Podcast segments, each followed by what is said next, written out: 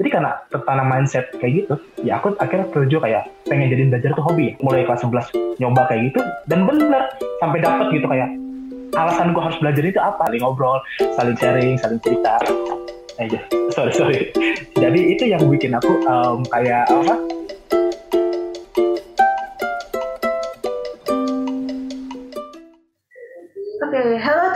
pejuang pendidikan, apa kabar guys? Semoga hari ini berjalan dengan lancar dan stay healthy, oke? Okay? So, here we are di Import alias podcastnya IPB Mengajar first episode, aka episode pertama. Jeng jeng! Nah, pastinya di episode pertama Import bakal lebih seru nih. Wih, ada apa ya? Nah, kebetulan banget kita kedatangan tamu yang kece. Penasaran gak nih? Yuk kita kenalan sama Kak Fauzani Lutfi atau biasa dipanggil Kak Ojan. Halo, selamat datang Kak Ojan. halo Sakila Oke, apa kabar nih Kak? um, baik Sakila sendiri gimana kabarnya Alhamdulillah baik, walau sebenarnya hari ini lumayan capek juga ya. lumayan padahal hari libur ya padahal libur hari Sabtu Iya, kebetulan tadi tuh kayak ada acara gitu, jadi lumayan menguras energi ya, tapi alhamdulillah masih dikasih kesehatan. Oke, jadi kan aku mau nanya, mau nanya nih. Jadi Kak Ojan ini kan berasal dari Departemen Fisika eh, angkatan 57, bener kan ya? ya betul Nah, terus Kak Ojan ini kata teman-teman itu paling ngambis nih ya satu angkatan nih. Emang bener tuh Kak? Nah, hmm. Kok bisa sih dicap paling ngambis satu angkatan? Terus tuh kan eh, Kak Ojan ini juga jadi tutor-tutor di berbagai lembaga juga kan ya, sama tutor-tutor di privat juga. Boleh dong nih ceritain soal ngambis privat serta apa ngambis soal ngambisnya disertai ngajarnya juga nih. Oke. Membuat masalah ngambis itu nggak tahu sebenarnya siapa yang manggil gitu kayak teman-teman doang karena aku sendiri nggak ngerasa ngambis biasa aja gitu kayak kuliah juga banyak tidurnya daripada merhatiin. Jadi kayak emang nggak ngerasa ambis-ambis ya gitu. Nggak ada ambis-ambisnya. Atau emang orang-orang suka manggil gitu. Tapi yang ngerasa diri biasa aja nggak ada ambis-ambisnya. Terus kedua itu yang masalah ngajar ya. Ngajar ya itu betul. Um, ngisi waktu luang sama buat ngajar ngajar di lembaga-lembaga yang ada di PB maksudnya yang yang buat ngurusin anak-anak PKU dan juga sama di private. Sama terakhir itu em, gimana sih kayak oh ngambis sama belajarnya ya pengal- pengalaman ya gimana ya? Kayak ngalir aja karena kayak ngajar juga kan kayak belajar yang diulang gitu. Jadi ya ya udah kayak yang dipelajarin juga kan yang mungkin masih satu ranah sama yang aku suka juga gitu. Jadi kayak ya udah kayak kita ngulang lagi apa yang udah kita pelajarin buat kita jelasin ke orang yang lain. Jadi kayak ngalir belajar ngajar belajar ngajar emang ngalir. Karena menurutku sendiri apa ngajar itu itu yang belajar yang diulang.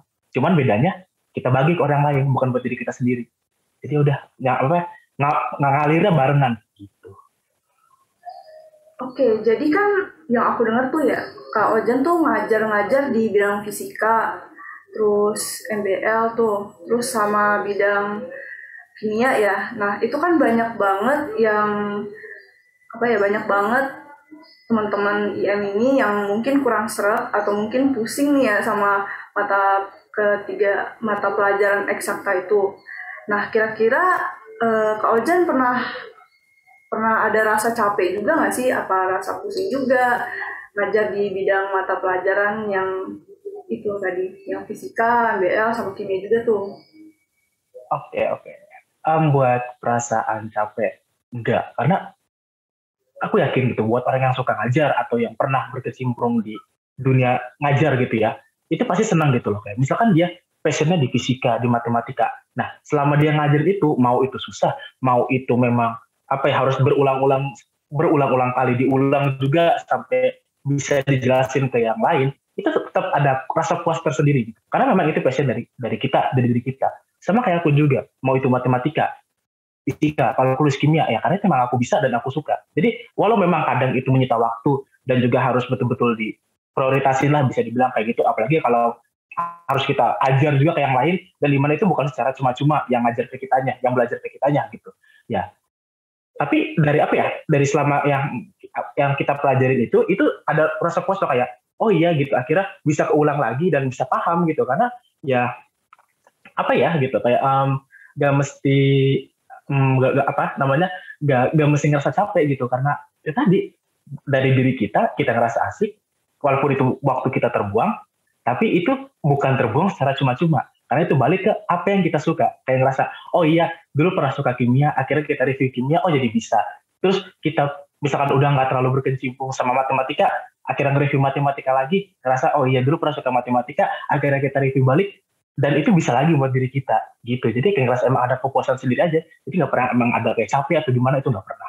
Selagi ya tadi ya matematika kimia fisika. Kalau di luar itu ya pasti. Jangan kan buat ngajar. Buat belajar diri sendiri aja udah capek. Apalagi biologi. Udah males ngeliatnya. Iya benar. Jadi kan ini kak uh, selain kak Ojen ini suka sama bidangnya nih. Bidangnya kan ya bidang yang kak Ojen pilih. Makanya kak Ojen tuh pengen uh, ngajar di bidang tersebut nih. Nah kira-kira ada alasan lain gak sih kenapa kak Ojen itu milih bidang fisika matematika sama bidang kimia itu? Oke oke.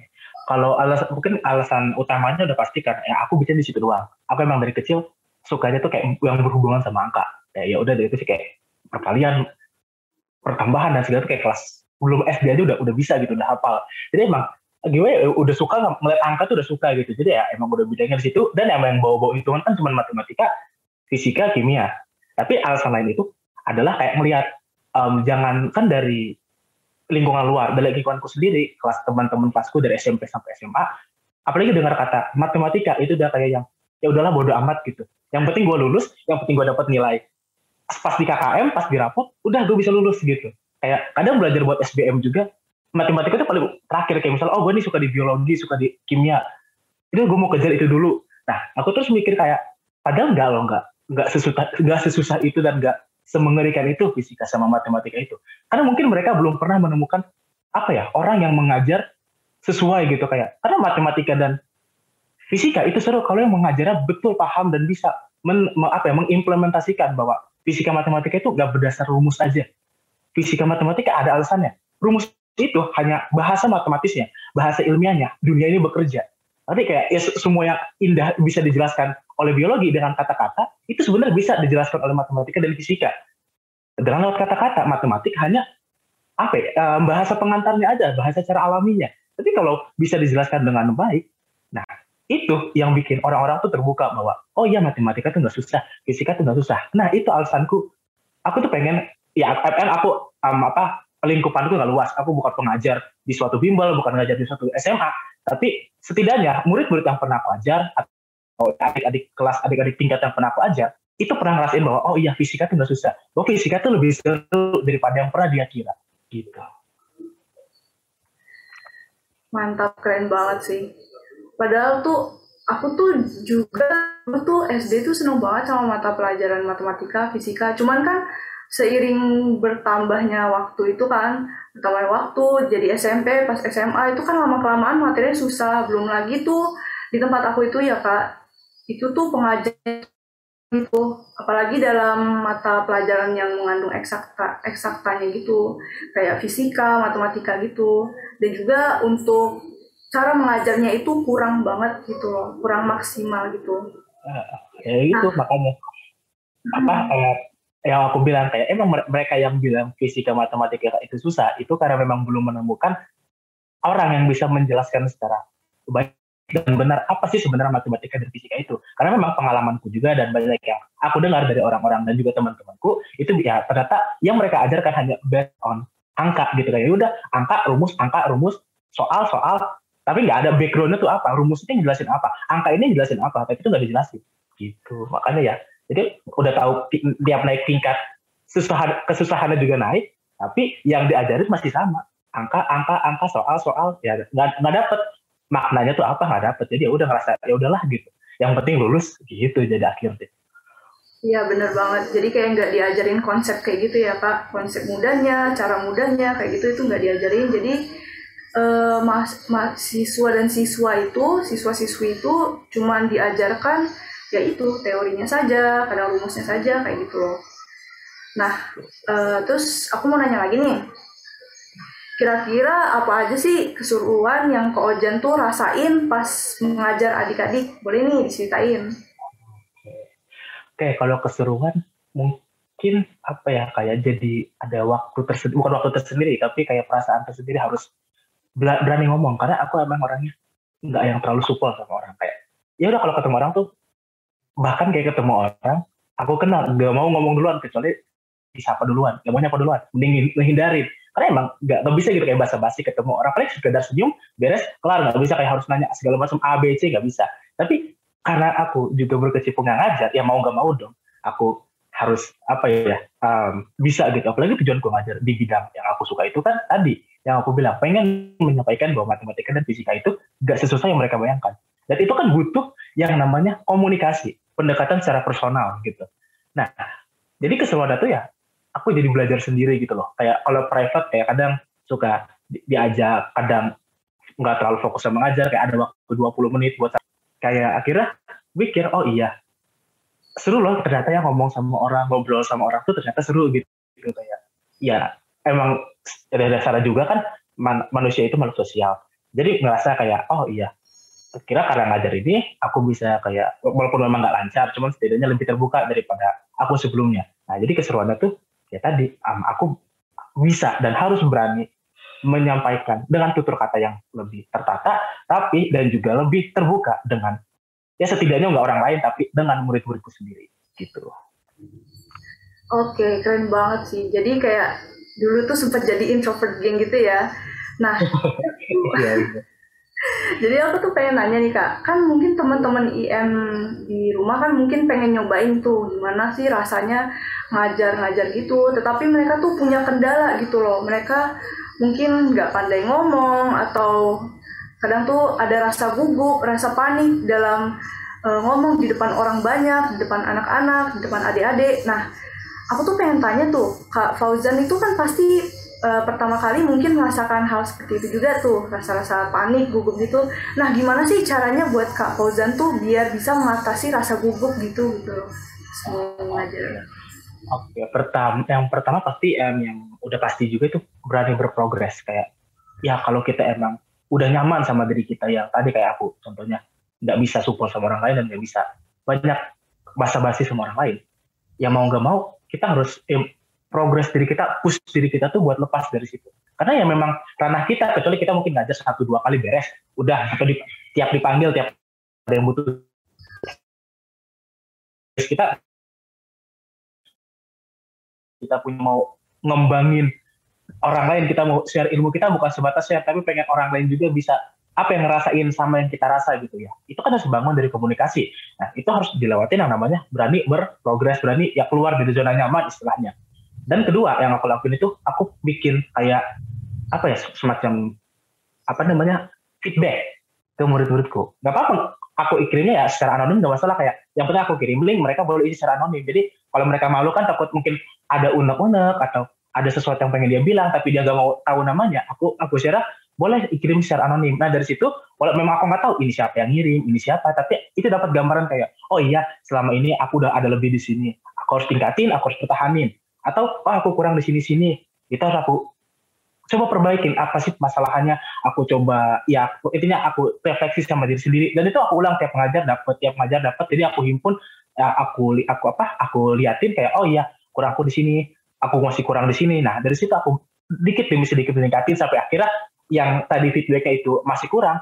Dan sekarang feedback apa uh, sampai akhirnya feedbacknya ya memang namanya manusia tetap ada kurang. Tapi setidaknya yang kurangnya mungkin bisa dibilang 8 dari 10 kurang dari 5 dari 10 4 dari 10 sampai mungkin 2 dari 10 gitu. Akhirnya dikit demi sedikit sambil berprogres itu uh, yang kurangnya itu berkurang. Eh ya yang kurangnya itu eh, ya berkurang lah itu makin sedikit daripada sebelumnya gitu. Paling ya kalau dari aku coba berani um, keluar dari zona nyaman diri kita dan juga coba apa ya dapat feedback dari apa yang pernah diajar orang yang pernah diajar sama kita tuh coba minta feedbacknya. Kayak biar tahu. Apa apa kalau misalkan dia malu namanya secara anonim pun nggak masalah. Yang penting apa yang mereka isi apa apa yang mereka isi itu sesuai dari hati mereka. Gitu. Keren banget. Boleh nih teman-teman IM langsung coba nih tips dan triks dari Kak Fauzan nih buat mengatasi rasa anxiety, rasa panik kalian ya. Untuk mencoba untuk ngajar sama buat tampil di depan.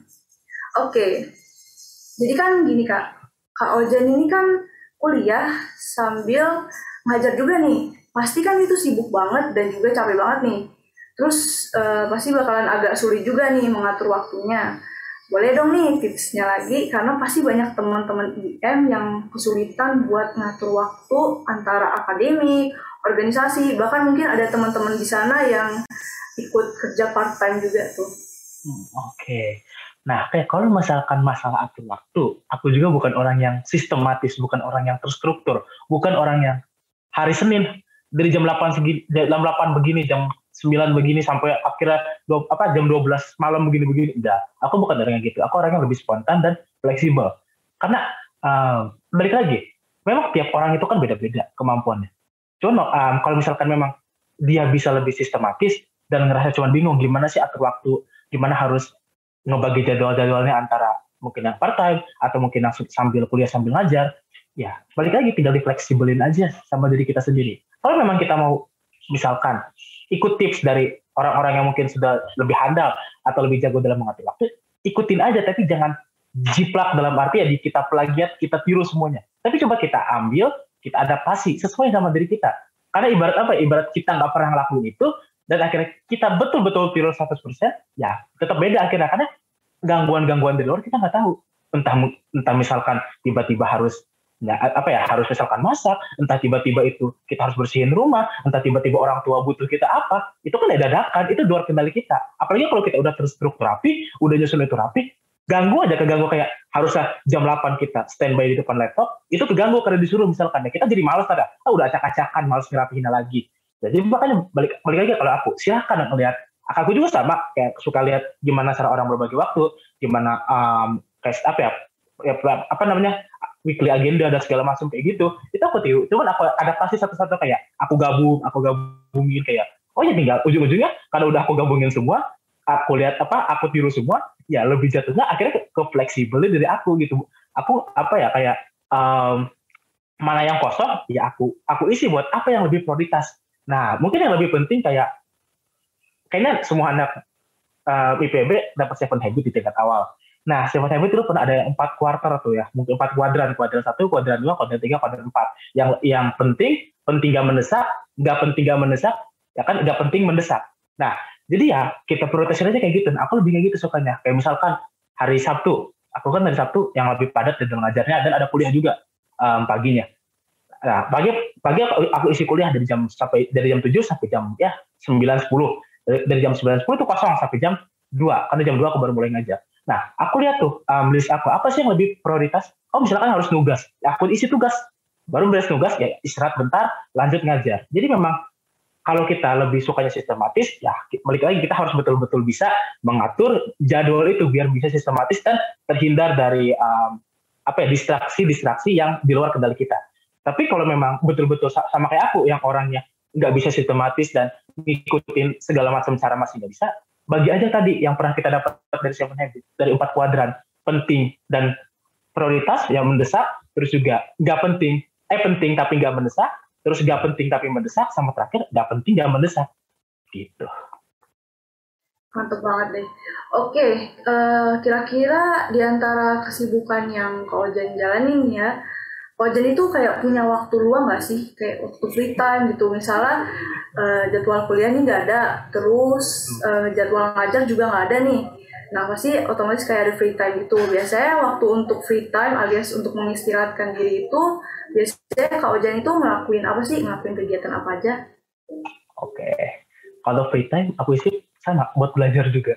Free time aku diisi belajar. kayak apa ya? Kayak mungkin orang lain free time kayak aku bukan orang yang kayak ada kosong. Atau misalkan nanti biar semua dari kesibukan harus ya istilahnya healing healing lah. Ke mana pergi atau segala macam enggak. Aku bukan orang gitu.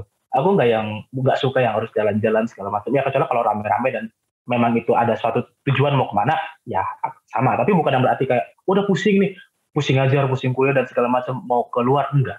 Aku lebih kayak misalkan Senin atau ya contoh aja ambil Senin. Udah kan aku Senin kuliah padat ada malam yang ngajar.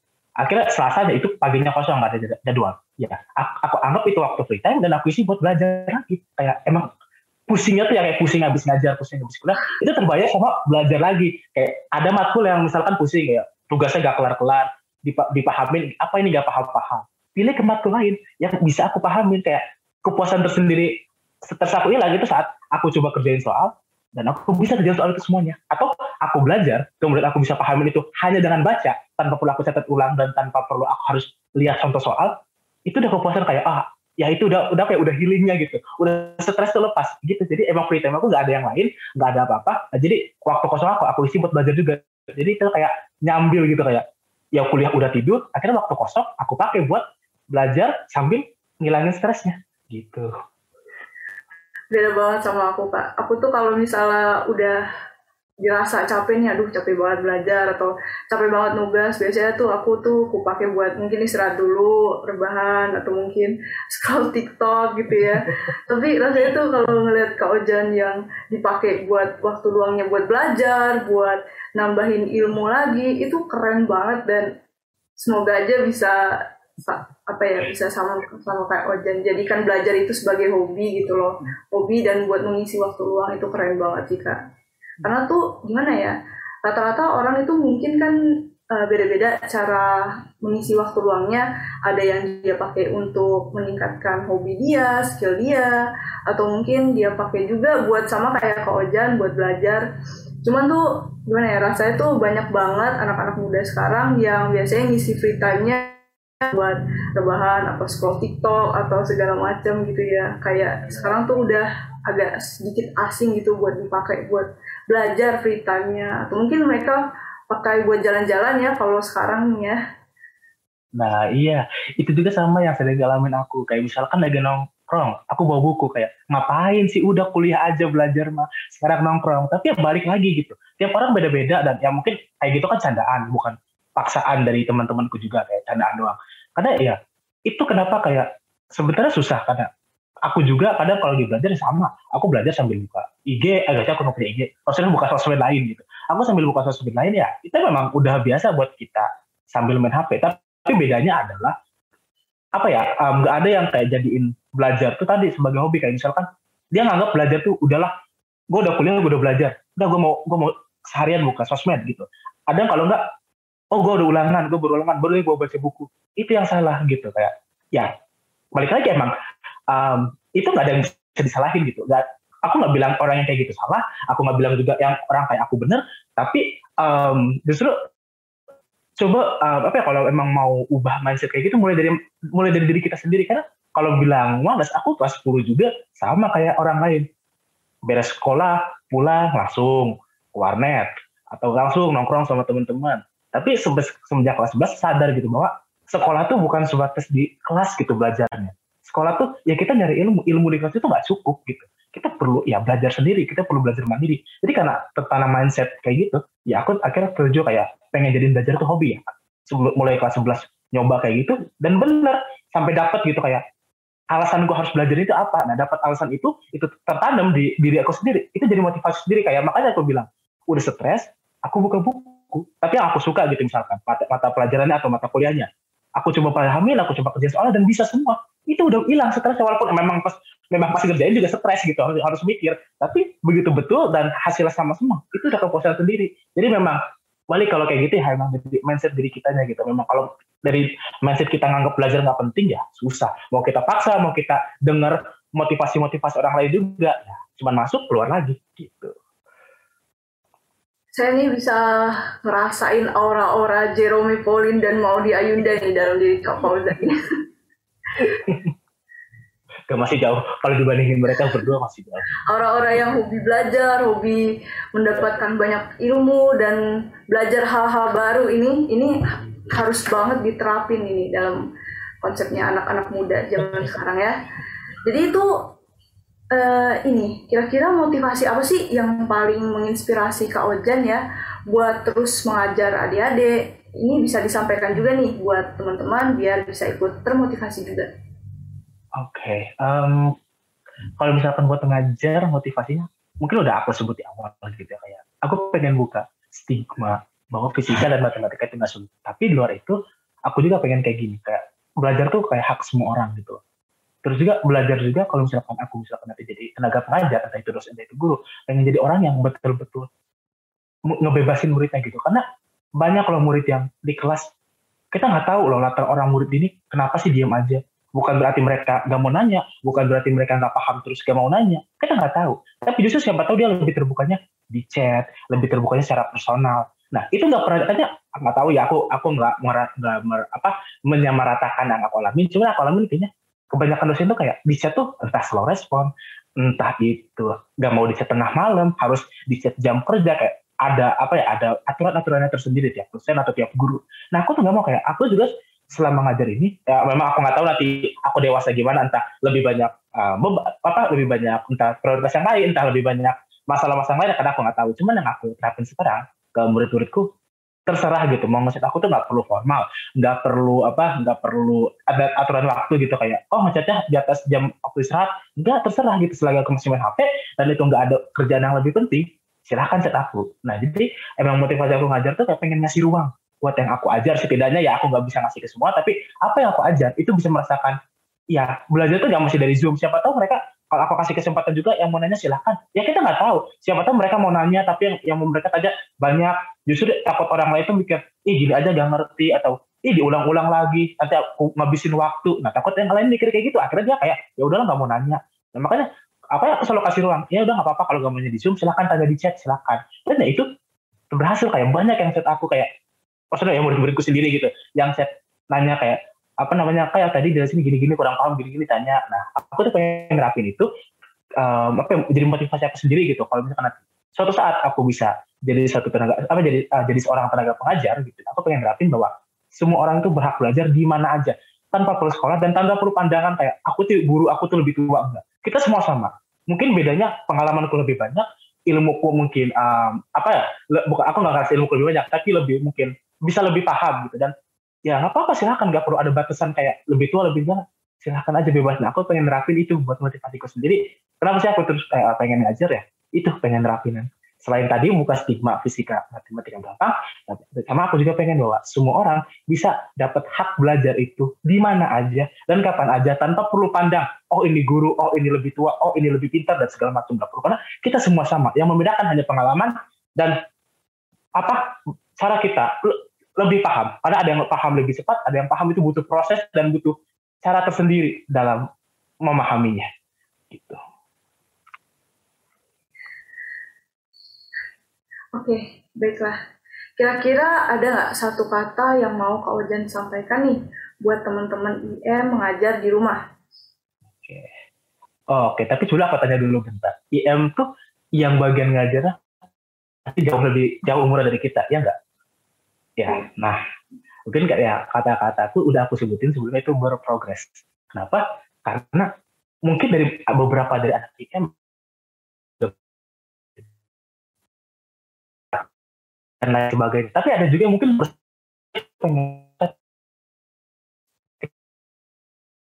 yang aku mau sampaikan ya progres aja gitu. Jangan jangan apa ya jangan jangan ma jangan ya jangan mau jangan terlalu bener-bener nutup diri kita. Apalagi yang namanya ngajar itu butuh sosial gitu. Kita nggak ya mungkin kalau private nggak terlalu luas tapi kayaknya anak IM nggak private gitu. Lebih lebih banyak kan kayak anak apa ke adik-adik kita gitu dan juga yang jadi lebih tantangan adalah kalau aku kebanyakan muridku udah dewasa.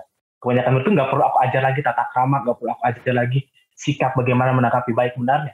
Aku hanya perlu menanggapi secara akademik enggak secara non akademik ya gitu. Tapi kan kalau anak IM ketemu anak-anak yang jauh umur di bawah kita mungkin anak SD itu masih butuh yang namanya bimbingan apa ya di luar non akademik ya luar akademik sorry bukan non akademik luar akademik baik dari itu sifat baik dari tata krama dan juga budi pekerti. Nah itu merupakan PR yang besar yang sampai sekarang aku juga belum pernah ngerasain itu jadi ya udah berprogres aja. Karena walaupun kita sadar diri kita masih jauh dari kata baik tapi setidaknya apa yang kita pernah rasain buruknya diri kita jangan sampai itu terjadi di apa ya, uh, mungkin generasi generasi selanjutnya. Ke adik-adik kita itu jangan. Apa ya itu mungkin ada. Apa ya yang ingin aku sampaikan sampaikan gitu. Intinya yang berprogres kayak ya udah gitu um, apa yang ngerasa diri kita. Ada yang punya kelebihan nah berikan itu kepada adik-adik kita. Gitu mantap juga kaget banget kaget dan juga kagum banget cara dari Kak Ojan ini buat menyampaikan motivasi tips dan trik juga menginspirasi teman-teman IM di rumah. Oke okay guys kita kasih juga ya kita ngobrol-ngobrol bareng sama Ko Ojan yang notabene keren banget, udah sharing-sharing ilmu, sharing-sharing uh, pengalaman dia, dan makasih juga buat Kak Ojan yang udah mau hadir di import pertama kali ini. Dan makasih juga buat Sobat IM yang ada di rumah yang udah stay dengerin dari awal sampai akhir. So, for the closing, kita bisa memilih untuk fokus kambis atau ngajar, tapi kalau kita bisa memfokuskan pada keduanya, why not?